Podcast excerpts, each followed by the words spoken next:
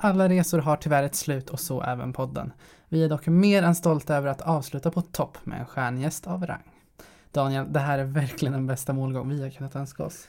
Ja, verkligen. Och som ni kanske redan vet är Kristin Kaspersen vår finalgäst. Hon är TV-stjärnan som lett tittarsuccéer som Idrottsgalan, Nyhetsmorgon, Fångarna på fortet, Melodifestivalen, Spårlöst och Vardagspuls. De flesta känner nog igen henne från TV-soffan. Men Kristin har fler strängar på sin lyra och är författare till fem böcker om livsstil, hälsa och träning. Hennes Instagram har över 260 000 följare. Hon föreläser och modererar samt driver sin podcast Kaspersen Nyfiken på. Och 2019 vann hon Let's Dance, något som verkar ligga i blodet då hennes son nyligen kammade hem ännu en glassko till familjen. Det är en stor ära och med en varm känsla i kroppen som vi välkomnar Kristin Kaspersen till Bli en vinnare med Filip och Daniel. Nu, nu kör vi igång!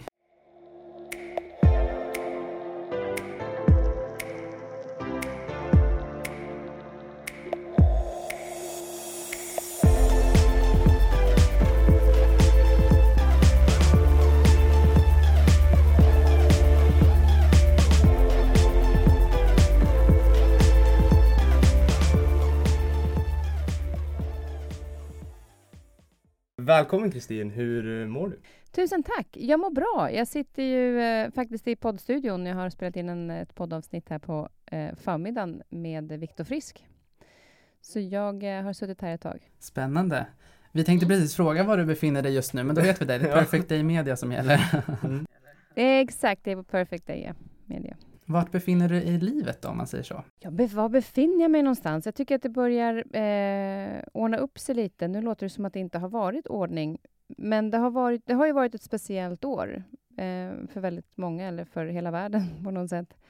Och eh, med, med, respekt för allting eh, jobbigt som har skett och eh, alla som har farit illa och eh, all, hela den biten, så har det ändå varit ett, ett bra år eh, för mig för att jag plötsligt fick börja tänka, eller jag, jag, fick möjligheten att eh, börja tänka på vad är det jag faktiskt själv vill? Eh, istället för att man fortsätter, att jag fortsätter i samma bana som jag alltid har gjort. Och eh, under tiden i början då så skrev jag på boken, den hade jag börjat med, Vägen att leda, till att leda mig själv. Den hade jag börjat med innan pandemin kom.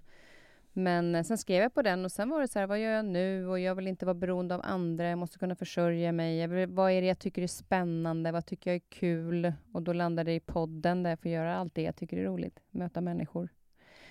Så det har varit en, en, eh, en speciell tid som har lett till någonting bra. Också för att jag valde att eh, ta hand om den tiden, den ofrivilliga lediga tid som blev. För det var ju verkligen sex månader utan en krona in på kontot, kan man säga. Men det är väl det som känns lite spännande med dig, just att när du får sådana här bakslag, om man kan kalla det så. Att det känns som att du hela tiden vill göra någonting, hitta på något nytt, lära dig nya saker, ta någon kurs eller vad det nu än må vara. Liksom. Det, det känns som att du, du kan, inte, ja, kan ja. inte sitta still. Nej, men det är nog lite så också. Och jag, ehm, eh, jag satt och pratade om att eventuellt gå en helt annan typ av kurs nästa år. Och då sa min ena son till mig, men ska du ta några jävla världsrekord och göra kurser hela tiden? Gå kurser. Men det, det, är också, tror jag, för mig ett sätt att eh, inte stilla med nyfikenhet, utan, utan eh, lära mig saker, berika livet, för det är ju här. Och när jag kommer på så här, hur funkar det här? Och istället för att sitta och fundera på det så försöker jag liksom ta reda på det. Och är det något hinder på vägen så tänker jag så här, men hur tar man sig över det där hindret då? Vad är det jag behöver för att kunna ta mig vidare? Istället för att fastna. Och det är väl en kombination av att styrkan med att ha, ha ADHD, och, eh, men också en, en ständig nyfikenhet på livet, att göra det så bra som möjligt. Och det betyder inte att det alltid är bra, vilket jag tycker nog är viktigt att poängtera. Jag lägger ju som sagt, jag brukar inte lägga upp liksom på Instagram att det här är en jobbig dag. Alla tror att ja, men du har det så bra jämt. Ja, fast jag lägger inte ut om jag inte mår bra, för jag vill ju inte att andra ska tala om för mig vad jag ska göra för att må bättre, utan det är ju egentligen bara jag som vet. Det är ju viktigt att våga känna. Vad är det som gör att jag känner så här? Är det en rädsla? Är jag arg? Är jag orolig? Och först när jag förstår vilken känsla jag är i, så kan jag göra någonting utav det. Sen kan jag berätta om det i efterhand, men jag gör det ju väldigt sällan när det sker. För då är det ju ändå mitt ansvar att förstå. Så att det har ju varit en, och sen är det mina barn, om man pratar om att vara på en plats i livet. Jag har ju liksom en vuxen son som ni nämnde här i introt som gick och vann Let's Dance. Sjukt mäktigt. Eh, och en annan son som är 17. Och eh, så kommer man i en period i livet där man säger inser att jag är vuxen mamma nu. De behöver inte mig på samma sätt som tidigare. Jag tror vi behöver varandra fortfarande, men det är på ett helt annat sätt. Och jag tror att det är mer naturligt för dem som blir vuxna och ändrar en tid i livet från att vara barn till att bli vuxen och klara sig själv. Men jag har ju varit vuxen hela tiden. För mig är det ju samma sak. Och plötsligt ska jag inte finnas där för dem lika mycket som tidigare. Och då antingen kan jag sitta och bli ledsen för det, för att jag tycker att det är tråkigt. Men eller så kan jag tänka, ja men vad härligt att de får göra det de drömmer om och gå bakom dem och samtidigt får jag njuta av livet på egen hand. Helt plötsligt kom Ja, massa, massa tid in i bilden. Visst. Ja, men exakt, och gör någonting av det. Istället för att sitta och sakna att man inte har barnen nära hela tiden. För det är ju så, man, de man älskar mest vill man ju ha nära. Men jag vill inte ha det, därför att de ska ju uppleva livet från sitt perspektiv och vad de vill göra. Och sen så står man där bakom och ehm, finns där när de behöver. Mm, vad fina ord. Vi har ju tänkt lite så inför så här, klurat på, du håller på med så mycket lite så. Eh, var vi vill inleda det här mötet och liksom, du kickstartar det nu men liksom anledningen att vi bjöd in dig och så där var ju liksom att veta hur du lever ditt liv. Man läser dina böcker och liksom gör research och så. Det är så spännande att hänga med liksom. Så liksom hur ser en dag ut nu? Jag tänker också med tanke på pandemin och sådär. Hur lever du vardagen? Med barnen och familjeliv och allt. Ja, herregud, hur lever jag vardagen? Den är ju väldigt... Det finns ju liksom inte en vardag som ser ut som den andra. Um, nej, men jag har haft... Eh, eh, jag har ju oftast väldigt många olika projekt och det har väl lite grann med frilansarens liksom, frilansares värld att göra. Eh, men det är ju mycket, jag förbereder mycket med podden och jobbar med den. Eh, jag gör en hel del, liksom, jag har gjort en del samarbeten nu under våren och eh, nu har jag byggt om mitt, eh, mitt sovrum hemma, så det har varit kaos hemma. Och jag, vi bygger, upp, eh, bygger om eh, köket i Järvsö, så det är kaos där uppe. Så just nu tycker jag att det är mest kaos. Men jag vet ju att det blir fint. Så att jag, jag ska bara härda ut, tänker jag.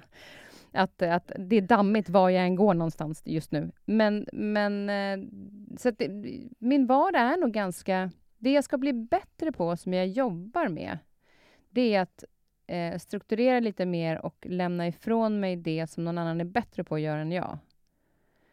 Eh, att inte tänka hela jag kan själv och eh, därmed också spara lite energi och tid och inte sitta hela kvällarna och mejla och jobba utan också ha en fritid. Och det är väl den, den tiden som jag vill öka. Eh, och för att jag jobbar rätt mycket. Jo tack, Ja. det misstänkte vi. Och, och det gör ju att det är hela tiden en framåtrörelse för att när du om du är fast på ett jobb så har du dina projekt framåt, men du, har, du vet att efter semestern kommer jag tillbaka till mitt jobb. För mig, nu har jag ju podden, så nu, och det gör ju en... en, det är en eh, för det första väldigt, väldigt roligt, men det är också en trygghet att jag vet att det kommer jag göra nu ett tag framöver. Och då finns det alltid där. Sen får man ju jobba med för att den ska bli ännu bättre och marknadsföra och allt det här som det innebär. Men det finns i alla fall en trygg plats som jag älskar att vara på. Och det är otroligt skönt för mig. Väldigt ovant. Ja, och sen det är, ju, det är ju ett forum också som är väldigt, eller relativt nytt och ganska spännande just att det är så öppet och fritt. Mm. Att man kan, ja, men man kan göra, göra vad man vill. Liksom. Ja, och det är det som någonstans jag tycker att gemene man ska tänka till på. Vad är det som jag mår bra av? Tycker jag att det här är roligt? Eh, jag kanske inte tycker att det här är jätteroligt, men det ger mig, alltså om, om man tänker då i början av karriären, men med det här så kommer jag att få möjlighet till att göra det jag vill. Så att man vet att den här kunskapen behöver jag för att nå dit. Att det ändå finns en tanke med det saker, de saker som man gör. För att fylla livet och dagen med det som är värdefullt. Sen kanske inte värdefullt just idag. Man är supertrött och tycker att allting är jättejobbigt. Men jag vet att det kommer att ge mig någonting längre fram. Det tror jag är viktigt. Mm, Work. verkligen. ja. Och av allt vi har rabblat upp och sammanställt här så Genom åren så har du gjort väldigt mycket men vad har varit höjdpunkten av allt? Skulle du säga? Om det nu går att välja. Nej men precis, det är det som är svårigheten. Nej, men jag har ju haft möjligheten att få göra så himla många olika saker som har varit roliga. Jag jobbar som programledare i, vad kommer fram till, 29 år nu. Och um, där har det ju varit... Programledaryrket fanns ju inte riktigt då på samma sätt som det gör idag. Så att det jag kan tycka... Men om jag ska se liksom, höjdpunkterna som är roliga att blicka tillbaka på, där man fick vara med, liksom, där jag har fått vara med på resan och se vad som hände med det programmet, det är ju dels Melodifestivalen. För när jag gjorde den så var ju det tillsammans med Claes Åkesson så var det ju första gången som det var deltävlingar. Och då var det ingen som trodde på det. Alltså skivbolagen sa att det kommer bli som en talangjakt. Liksom. Det, det kommer inte att hålla. Och den resan har ju varit kul vid sidan av att se att vi 2002 stod där eh, och de, vi kallar det för Cirkus Stockzelius, Svante Stockzelius var då producent. Och vi trodde på det. Eh, och så har det blivit så stort som det har blivit. Precis likadant som med Idrottsgalan som jag också fick vara med och göra första programmet. Ja, nu har jag gjort det tio år totalt, men var med första gången, liksom första tre åren. Så de har ju varit såna roliga startskott för att det har varit program som har blivit stora. Sen älskade jag liksom Nyhetsmorgon för, för mötet med människor. Även om inte jag är jättemorgonpigg så var det ju härligt med all kunskap och allting man fick lära sig där. Och sen Uppdraget såklart, som var det egentligen det stora programmet jag började med, som satte liksom, som jag fick pris för och så. Mm. Wow, du funderar inte på att ta över efter Christer Björkman nu och vidareutveckla Melodifestivalen? Nej, Ja, det hade för sig kanske varit ett fantastiskt roligt jobb, men, men den, den kunskapen är inte min styrka, tror jag. Även om det hade varit väldigt roligt, men med tanke på hur hårt jobb det är och eh, har lite mer kunskap just kring det, så, så känner jag att jag tror att det finns de som är bättre på just det, faktiskt. Mm. och du arbetar ju också väldigt mycket med hälsa. Mm. Det är en stor del av ditt liv. Eh, kan inte du berätta vad det vanligaste liksom, orsaken till att människor oftast vill ha din hjälp? Eller vad är det oftast man oroar sig för? Jag ska säga, det är lite olika tror jag. jag. För mig har ju hälsa varit intressant. Min pappa var ju sjukgymnast och eh, tidigare elitidrottsman. Han var ju landslagsmålvakt i fotboll och startade sitt träningscenter när jag var tio år, sitt första. Och där lärde jag mig väl någonstans att, via honom att det är otroligt viktigt att liksom förebygga skador och förebygga ohälsa. Eh, att man hela tiden tar hand om sig under vägens gång. Men, men det jag kan se, som jag upplever i alla fall, det är framförallt är det väldigt tydligt på när man har varit iväg på såna här eh, träningsresor och se personer som kommer och är lite trötta och lite hängiga de första dagarna och så se hur de växer och bara mår bättre och bättre. Och då är det inte bara träning, utan det är liksom gemenskapen, det är... Och det, allt det här visar ju på att hälsa handlar så mycket mer om en, en, det handlar inte bara om, om träning, utan det är ju liksom även det sociala, att vi mår bra med de människor vi har runt omkring oss, att vi ser varandra, att vi inte är ensamma. Eh, hela den biten är ju så otroligt viktig, så jag tror att eh, hälsa generellt är ju så många olika bitar på något sätt, som, som jag gärna tittat på från början, att det, liksom, det är helheten. Och ibland så kanske man inte har... Jag har ju haft nu såna här eh, covid, efter covid-symptom i tre månader, där jag haft feber. Och då har jag ju inte kunnat träna på tre månader. Men då har jag försökt balansera upp det med någonting annat. Att jag mår bra hemma, att jag har bra vänner omkring mig. Så att man, är det ena benet lite svagare, ja men då kan man stärka upp det med någonting annat. Så att alla kanske inte... Tränar man mycket en period och så kanske man har lite tufft på jobbet, ja fast då ger träningen en kick så att man hjälper till där. Men såklart är det ju skönt att ha balansen. Eh, den eh, vill man ju uppnå. Mm, ja, verkligen. Och jag håller helt med dig framförallt att få in alla delar men det finns ju också människor idag om man tittar på framförallt träningsbiten som kanske tränar för mycket eller tränar för att inte må dåligt utan det kanske går till överstyr. Eh, hur ser du på, på den biten? Ja, men jag, det jag tror är väldigt viktigt det är ju eh, att hitta en livsstil. När jag började ta in träningen att bli en del av livet så började jag liksom jag började springa, jag hade precis fått barn, så jag började springa. Jag tyckte inte ens om att springa. Men jag såg att det här var den enda chansen för mig att kunna träna när barnet sover. Um, och då började jag liksom springa 10 minuter, gick 10 minuter och så sprang jag 10 minuter. Så jag var ute en halvtimme. Och sen ökade jag på det. Att att bestämma sig för att under en, kanske en månad så ska jag ändra min livsstil. Eh, när jag var morgontrött till exempel och skrev good morning så bestämde jag mig i fyra veckor att nu ska jag gå upp klockan sex varje morgon. För jag är inte piggare klockan sju. Jag är lika trött ändå. Så då gick jag upp klockan sex och så, så fick jag den här timmen i lugn och ro för mig själv. Om jag yogade eller promenerade eller bara stretchade lite. Men jag fick vakna i lugn och ro på det sättet som jag tycker om att vakna. Men det var ju jobbigt, alltså säkert tre veckor innan jag började landa i att det här vill jag inte vara utan. Det här vill jag ju skapa att det blir en livsstil för mig. Och där tror jag att man behöver vara lite tålmodig. Att inte ge upp så snabbt, men också inte ha för höga förväntningar. Alltså inte sätta upp för höga... Eh, att man tror att jag ska börja springa nu, så börjar man springa, grannen springer en mil, så ska jag också göra det. Och så håller man på att få panik efter två kilometer. Utgå från dina egna förutsättningar och hitta ditt sätt att nå dina egna mål. Jämför dig inte med någon annan. Vi har olika typer av jobb. Vi någon kanske har jättemånga barn, någon lever singel. Alltså det är så otroligt olika. Så det gäller att titta på egna förutsättningar och öka hellre. Att man börjar liksom gå tre gånger i veckan på morgnarna och märker att det är så himla härligt, så nu lägger jag till en dag till. Så då får man ju också en kick av att man känner sig bra. Och då ökar ju serotoninet och det är ju härligt. Så då får man liksom att man är stolt över sig själv. Och som Viktor Frisk sa, som var här idag på, när vi spelade in ett avsnitt, att han sa att bara att bädda sängen på morgonen gör att du har klarat av någonting. Och det ger en känsla att säga, fan vad bra jag är. Nu har jag gjort fint här. Så att man ger sig själv de grejerna, de småkickarna, för att, för att hitta den, den eh, jag menar, för att hitta välmåendet i vardagen. Det tror jag är viktigt, att inte dels utgå från sig själv och sina egna förutsättningar, eh, rimliga mål och se målet som resan. Det handlar inte om att hela tiden fokusera på att du ska gå i mål, utan upplev resan. För då blir ju alltid mycket härligare. Målgången, om man tänker ett lopp, om man tränar för det, det är ju liksom, ja men det är en knapp sekund och så är det över mållinjen. Ska du bara njuta då? När jag gjorde Let's Dance, inte njöt jag mest precis när jag vann. Jag njöt ju under resans gång.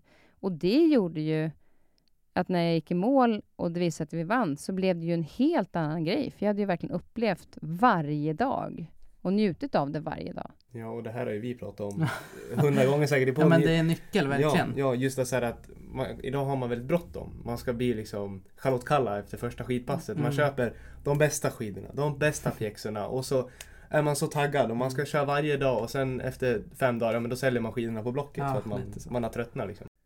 Och det är det jag tror är, för då man kanske tittar på någon annan och kan de det här borde jag kunna.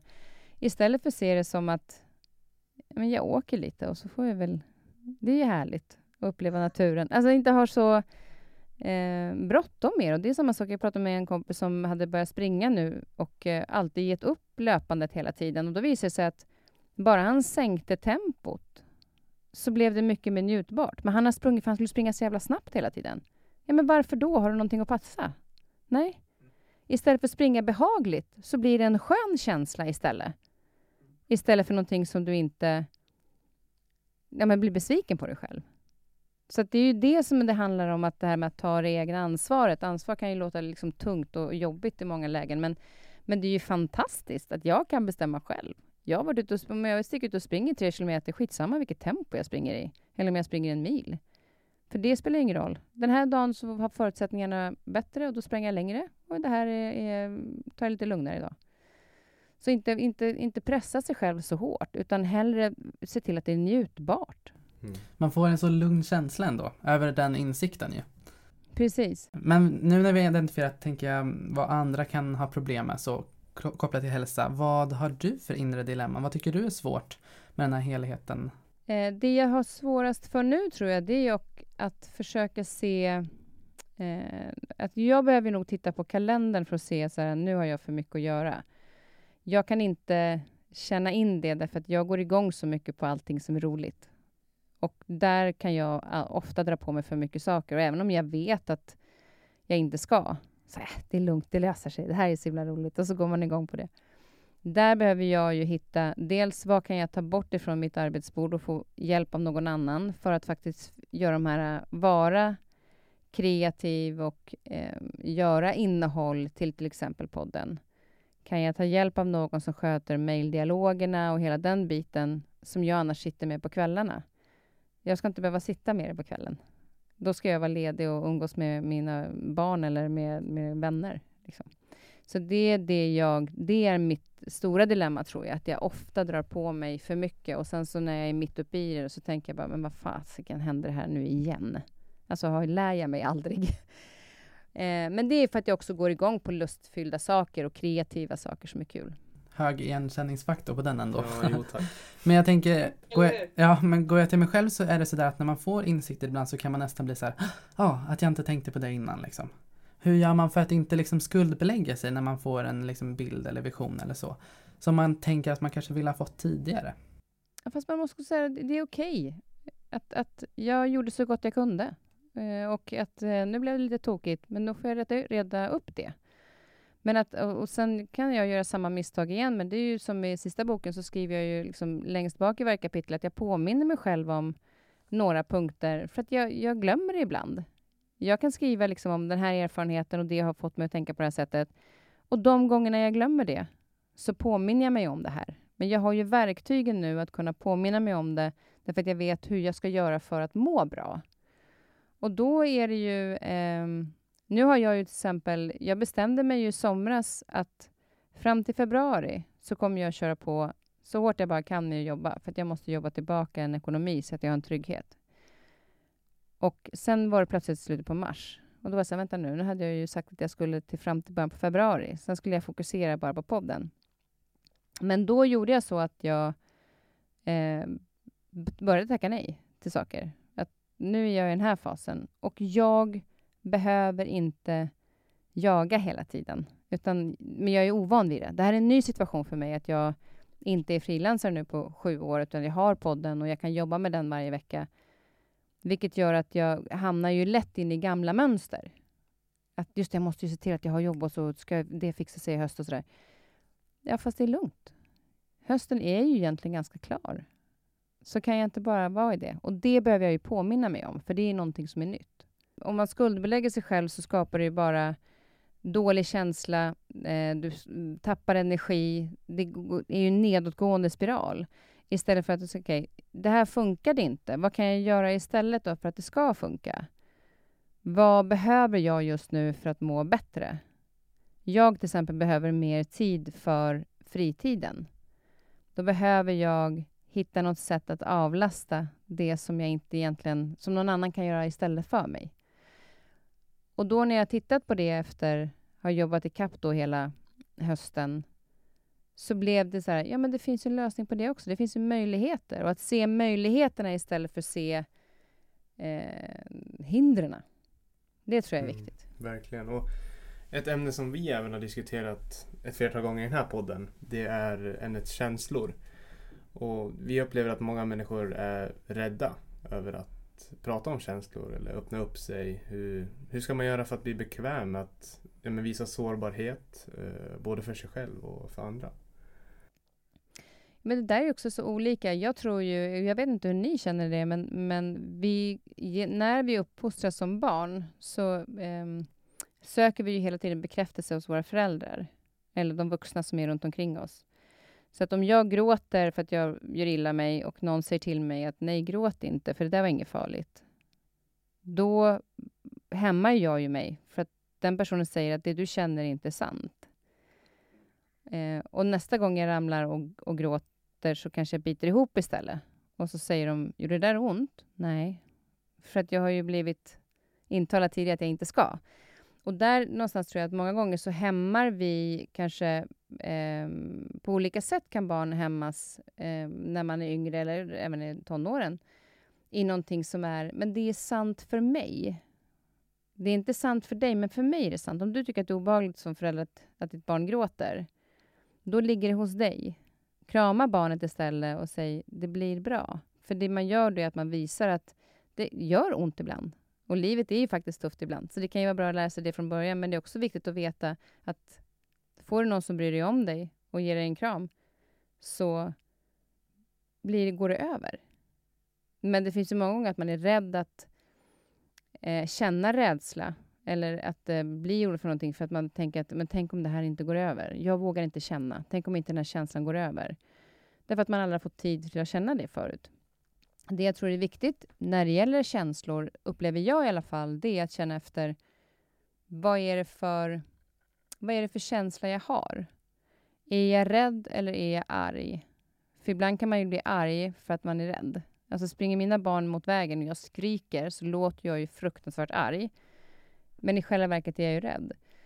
Så när man, först när man identifierar vilken känsla det faktiskt är som gör att jag mår så här, då är det lättare att göra någonting åt den.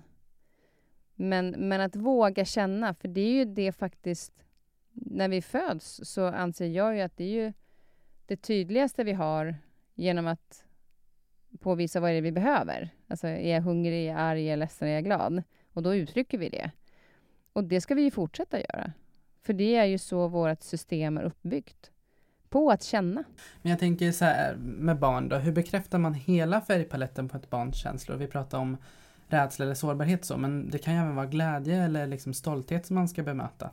Jag tycker att man ska... Eh, en sak som jag pratade med en psykolog ganska nyligen, så är det viktigt att bekräfta barnet i att det är jätteviktigt att vara stolt över sig själv och att, att ehm, eh, det handlar mycket om ibland kanske prestation då. Men, men det som jag också tycker är viktigt att barnet, att man lär barnen att bekräfta sig själva. Så att om de söker bekräftelse hos oss vuxna, så innan man till exempel om de kommer ut och säger mm, Tycker du att den här tröjan är fin? Så frågar man först, vad tycker du? Och då säger de, jag tycker att den är jättefin. Ja, precis det tycker jag också. Så då har de fått bekräfta sig själva. För det, det kan vara rätt tufft. Ja, men jag är bra på det här. Det är inte alltid man säger det, för att man vill inte vara för mer någonting. Men om du känner att jag är bra på det här, då har du bekräftat dig själv och då blir inte behovet lika mycket att få bekräftelse av andra, även om det är fantastiskt. Det, då, men då blir det också mer ett bonus, tänker jag. En bonus att få bekräftelse av andra, för att jag också kunnat bekräfta mig själv. Och ibland så kanske inte ens någon ser när du har gjort ett jobb som är jättebra, men du känner det och de har, din chef har fullt upp. Men då kan du känna att jag känner att det här kändes bra. Och sen så kan du hellre fråga. Hur kändes det? Tyckte du att det här var ett bra jobb? Om du vill höra. Men förvänta dig inte att alla ska se det du behöver höra. För att det är svårt att veta vad andra behöver. Så hellre vara ganska tydlig med det. Att säga till att jag skulle behöva lite mer bekräftelse idag, för idag är jag bekräftelse-junkie. Säg det istället. Kommunikation. Ja, och i en intervju, i en intervju som vi lyssnade på så pratade du just om ja, men, dagens eh, prestationssamhälle.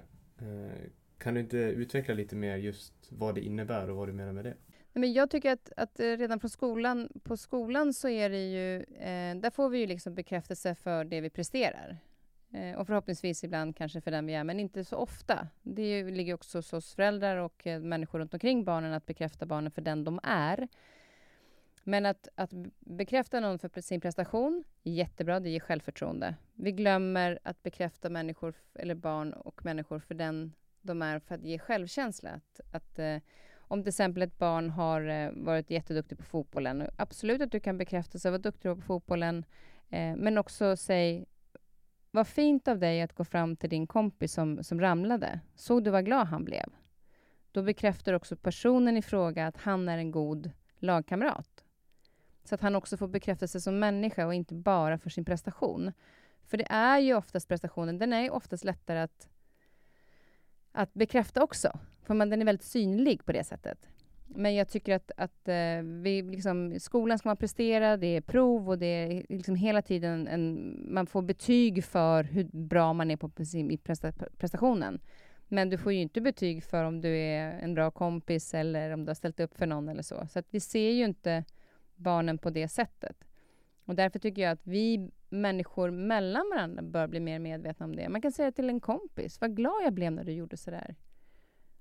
För att inte bara säga liksom Gud vad du klippte gräsmattan bra, så kan man säga att det gjorde mig jättegott att du hjälpte mig med det här.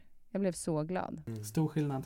Ja, men det är verkligen det. Och en annan grej som bara blir vanligare och vanligare idag, det är ju vardagsstressen, som vi alla vet. Ehm, hur ser du på just stress och vad är dina bästa tips för att kanske motverka det? Stressen är ju otroligt intressant. Det finns ju en yttre påverkan och en inre eh, påverkan. Den yttre påverkan kan vi ibland kanske inte påverka för att det förväntas av oss att vi ska prestera på ett visst sätt och vi ska nå ett mål eh, på jobbet eller vad det nu är. Och den stressen, all stress är ju inte negativ. Det finns ju bra stress också som gör att vi kickas igång och, och kortisol och adrenalin går igång på topp och vi kan verkligen liksom så här vara superskarpa. Problemet är ju att vi inte hittar återhämtningen i det. Att det ena projektet, innan det är slut, så börjar nästa projekt igen. Och det är det som är faran. Den, det är liksom den livsviktiga återhämtningen. Det är ju framförallt sömnen. Sömnen är ju eh, den absolut viktigaste, framförallt den djupsömnen då, som man kommer in i när hela kroppen verkligen får vila och återhämta sig till nästa dag. Men, men om man sover dåligt så ska man ju till exempel komma ihåg att 20 minuters sömn på eftermiddagen ersätter två timmars förlorad sömn. Så det är inte så mycket som ska till för att du ska hjälpa kroppen att återhämta sig. Och hellre ta korta stunder, men, men glöm inte återhämtning. Det är liksom det absolut viktigaste för att hålla nere stressen. Och sen också dina egna tankar. Att vi drar iväg i våra negativa tankar, vilket kan skapa stress. Att vi tror att folk tänker så här om mig, eller jag tror att det är så här. Och då är det bara jag som skapar den stressen. Det är ingen annan som har skapat den. Och då titta på sig, jag känner den här, liksom, mig stressad. Och återigen, identifiera, vad är det du känner dig stressad över?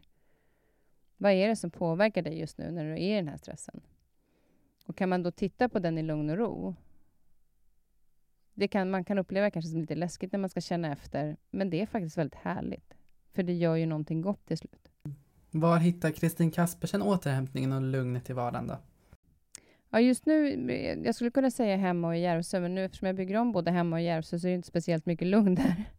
Men när jag var uppe i Järvsö förra helgen till exempel, då var det ju byggjobbare inne och det var dammigt överallt och det var Eh, så grön pollen överallt ute på terrassen. Och det var ingen idé att börja skura ens en gång, för det höll på att falla. Så jag tänkte att det får vara klart. Men då gick jag ut i skogen eh, med min hund. Var ute nästan i två timmar. Nu hade jag ju förmånen att kunna vara det. Men eh, annars så försöker jag att hitta det genom promenader, genom träning, genom att träffa vänner. Och sen kan jag ju lätt om jag kommer hem och känner så här att ja, fast jag ska vara iväg om en halvtimme. Ja, men då lägger jag mig tio minuter, så ställer jag klockan.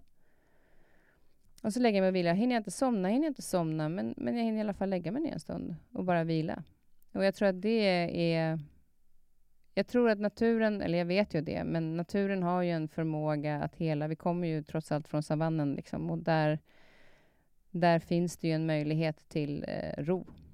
Eh, och det, det kan man ju gå i en park eller bara hitta den plats. Jag älskar ju havet eh, och vatten. Att gå ner och sätta mig ner vid vattnet på en brygga, om man har det i närheten, eller en park mitt i stan. Då kan jag tycka så här, när jag sitter i en park mitt i stan, tycker jag så här, här är lugnet och sen är det jättestressigt runt omkring mig. Tänk vad alla håller på och stressar utanför och här kan jag sitta i lugn och ro.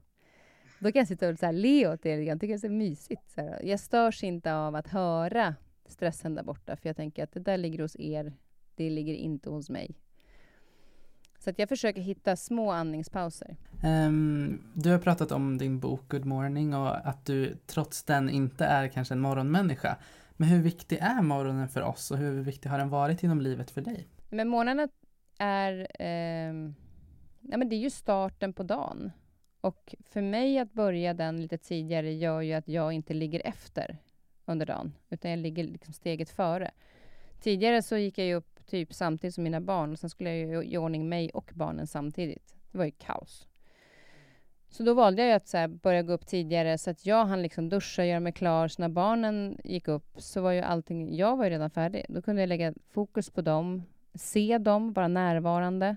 Um, och där tycker jag ju fortfarande, nu idag, min son han har ju, jag vet inte, han har fått sånt där underbart schema så han typ bör, börjar 10-11 varje dag. Så att nu inte, det ligger inte det på mig att väcka honom. Det är helt ljuvligt. Det ligger inte på mig att väcka honom, för han ställer klockan själv. Men då älskar jag ändå att gå upp tidigt och gå ut på morgonen innan allting drar igång. Att så här, nu börjar folk vakna och här är jag redan. Vad härligt. Liksom.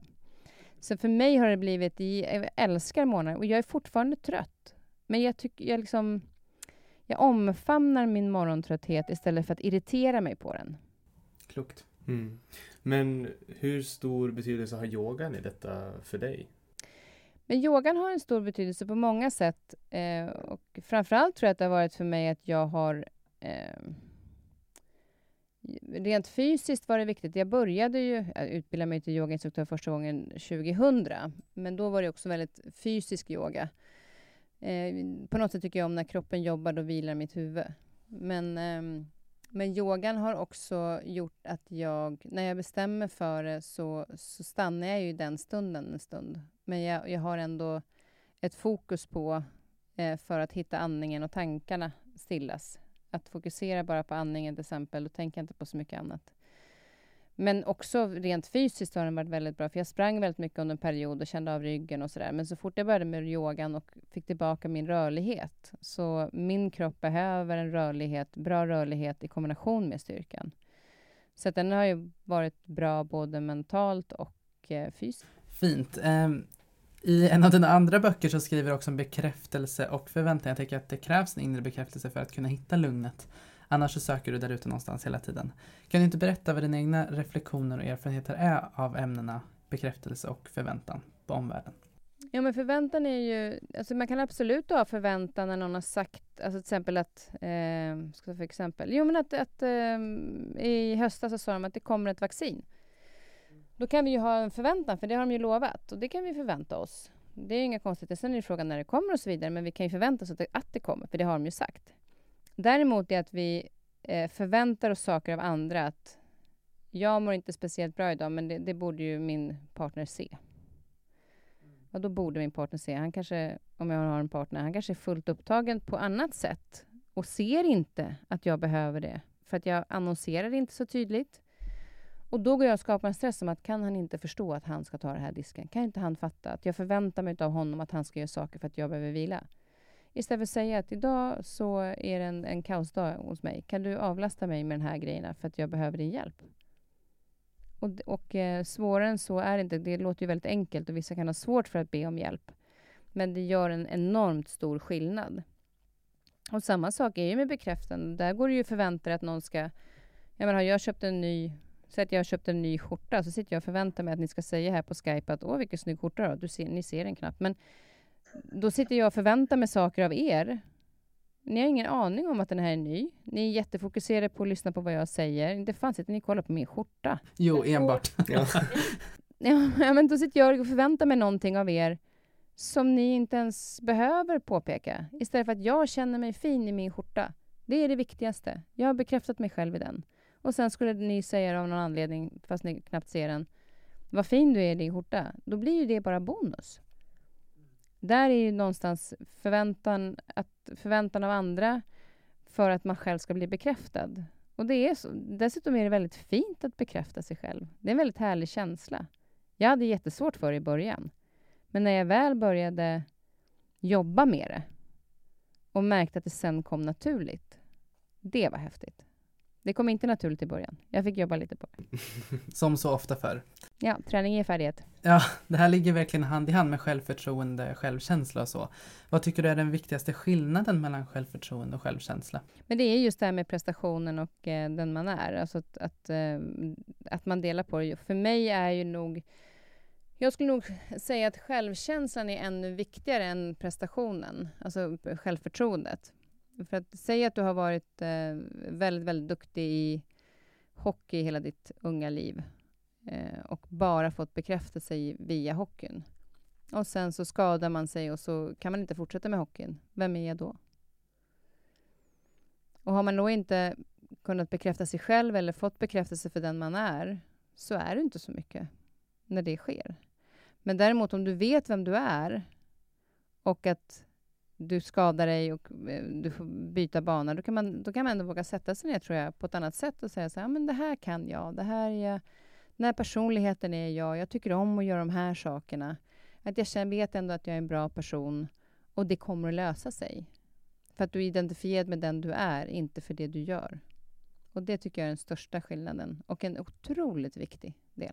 Mm. En stabil grund helt enkelt, som inte är så sårbar ja, för yttre. Och även när vi gjorde research inför den här intervjun eh, och även när jag läste din bok så var det ett väldigt förekommande ämne just att välja tankar. Eh, och jag tror vi har pratat lite om det tidigare idag men kan inte du utveckla det och berätta vad du menar med det och hur du tänker kring det? Ja, men det som är med tankarna, de är ju, det är som Björn Attiko, tro inte på dina tankar. Eh, för det är ju bara tankar. Det, det är inte, och det som är också är att vi påverkas ju fem gånger så mycket, nervsystemet påverkas fem gånger så mycket av negativa tankar än positiva. Vi har en förmåga att, att eh, låta negativa tankar ta över och annars hade vi i och för sig inte överlevt från savannen-tiden om vi inte hade sett farorna och så. Men ibland kan vi ju stanna kvar i de här farorna fast de är borta. Och det är väl det någonstans som också är viktigt att, att tänka. Och sen att man inte... Eh, när man ställer sig frågan om man får en tanke som man tycker kanske är jobbig, så här, men är den här tanken sann? Är det här sant?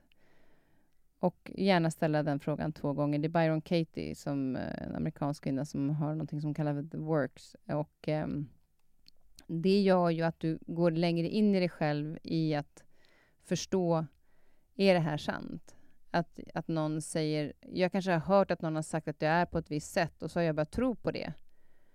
Men jag känner inte igen mig egentligen. Det är någonting som inte känns rätt. Och då kan jag ju, om jag säger, Säg om jag skulle vara dålig på engelska för att jag hade dåligt betyg i skolan. Um, och då så kan jag gå och tro att jag är dålig på engelska. Fast om jag tänker efter så är, så här, är det sant? Nej, verkligen inte. Jag har bott i England ett år, jag har varit massor i USA, min engelska funkar hur bra som helst. Men någonstans så ligger det kvar i min tanke för att jag fick höra som liten kanske, om man har fått det, som att jag inte var bra på det. Och då gäller det att ifrågasätta den tanken. Men är det sant?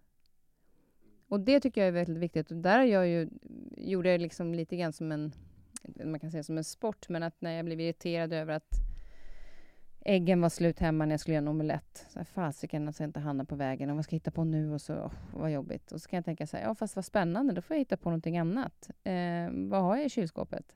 Att se det, att istället för att gå in, för den enda som påverkas av det, eller den som påverkas mest av det ska jag säga, det är jag själv. Och sen kanske de i min omgivning, jag blir grinig. Men det är ju inte, jag själv mår ju inget bra att gå runt och vara irriterad. Så att ofta kan jag vara så, när jag blir irriterad över någonting, då kan jag känna så här, vad är det som jag blir irriterad över nu? För jag tycker inte om att ha den tanken, eller den känslan. Och det är ju fantastiskt att slippa den känslan. Mm. mm. Och just det här, är det min sanning eller är det någon annans? Exakt. Och vi påverkas ju så mycket av, vi, vi får ju liksom intryck överallt ifrån, om det inte är sociala medier eller tidningar eller tv eller vad det nu är, hur man ska vara och det här gör dem lyckliga, det borde göra mig lycklig. Ja, fast de lever ett annat liv än vad du gör.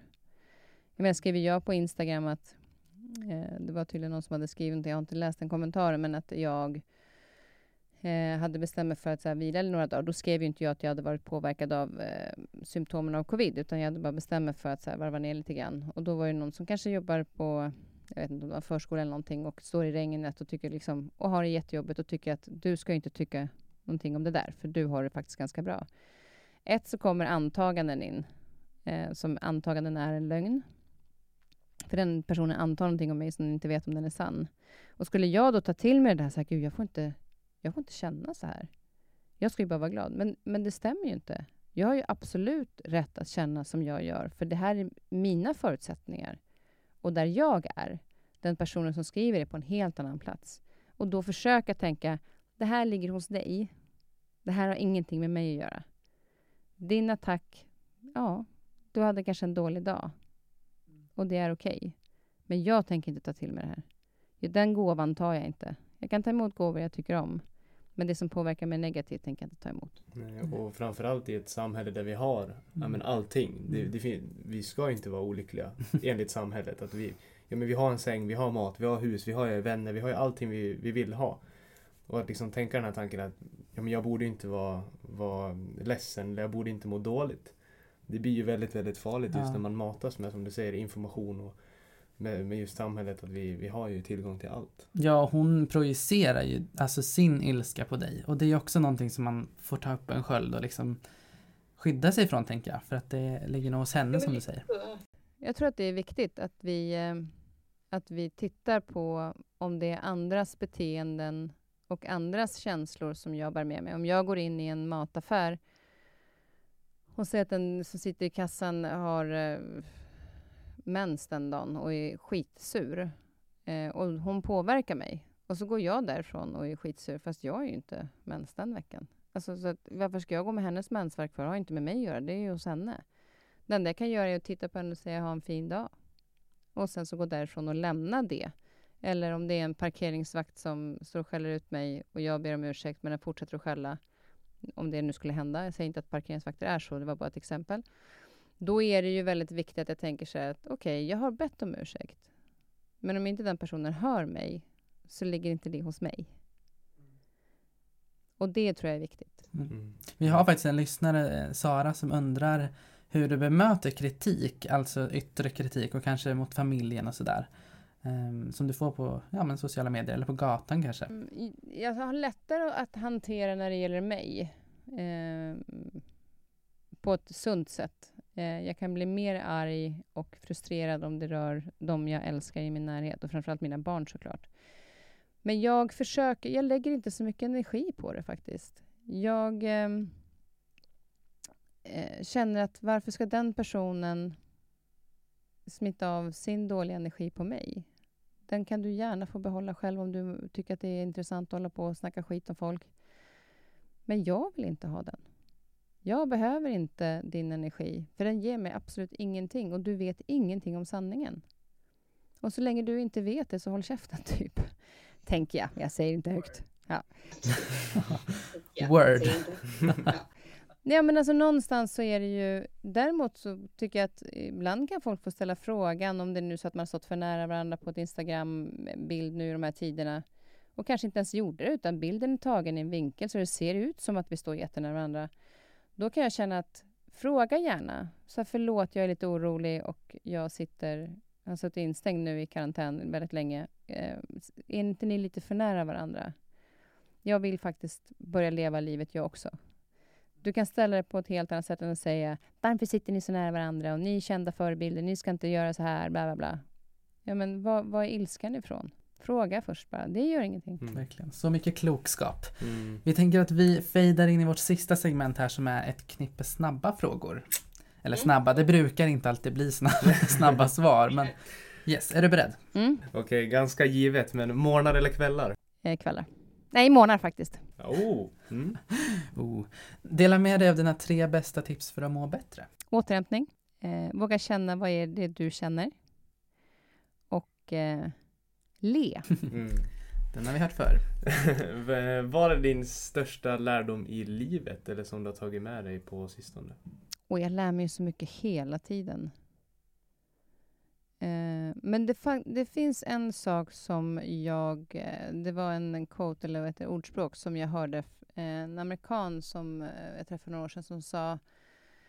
Eh, hur ska se om jag kommer ihåg vad den var. Touch every life you can and leave them sublimely better by that touch. Alltså berör någon människa och eh, få dem att känna sig lite bättre med den beröringen. Och det tycker jag handlar om att Möter jag någon på gatan och jag ger ett leende så känner den sig personen lite bättre. Och med det så är det det att det behövs inte så mycket för att göra en stor förändring. Mm. Oavsett om det är för en själv eller för andra. Mm. Nej. Vad njuter Kristin Kaspersen mest av? Eh, jag hade en fantastisk kväll igår till exempel när jag var ute och käkade middag med mina två söner. Eh, ute i solen och det var en av de här första varma dagarna som man bara kände så här, bor vi i Sverige eller bor vi utomlands? Alltså det var helt magiskt. När tiden lite grann står stilla. Och eh, det njuter jag nog mest av. Mm. Fint. eh, vad är ditt bästa tips på hur man blir sin egna vinnare i livet, vardagen och överlag? Eh, sätta upp eh, rimliga mål och att se eh, utifrån dina egna förutsättningar och se resan som målet. Påminnelse där. Sista frågan, vi vill inte att det här ska till sluta, men det brukar ju vara att vi frågar dig, i det här fallet, vem hen vill att man ska intervjua härnäst. Eh, men eftersom det här är liksom the last dance så är den frågan lite irrelevant. Och då kastar vi över den till dig istället och säger Vem är din drömgäst i podden? Eller liksom Vem skulle du inte tveka att tacka ja till liksom i ett jobbsammanhang? Om jag skulle få ha en gäst i min podd så skulle jag vilja ha Michelle Obama. Ja, det... Den skulle man ju lyssna på. eh, nej men Michelle Obama är min, eh, min drömgäst tror jag. Och jag tänker att den är inte ouppnåelig. Helt rätt. Nej men stort, stort tack Kristin för det här mötet. Det har varit eh, en helt underbar intervju och som kommer släppas nu på söndag då, den 6 juni. Eh, Vi önskar dig varmt lycka till med livets projekt och podden och allt vad du tar dig för. Det har varit en ära att få intervjua dig. Tack snälla och ha en jättefin sommar och tack för att ni hörde av er. Och med de orden så tackar vi också er lyssnare som varit med vecka ut och vecka in på den här resan. Det har varit ett privilegium att få göra det här tillsammans. Vi vågade och vann och hoppas att våra och gästernas ord har gett dig värde att leva ditt bästa liv. Ta chansen att bli en vinnare du också. Ni är bäst. Puss och kram.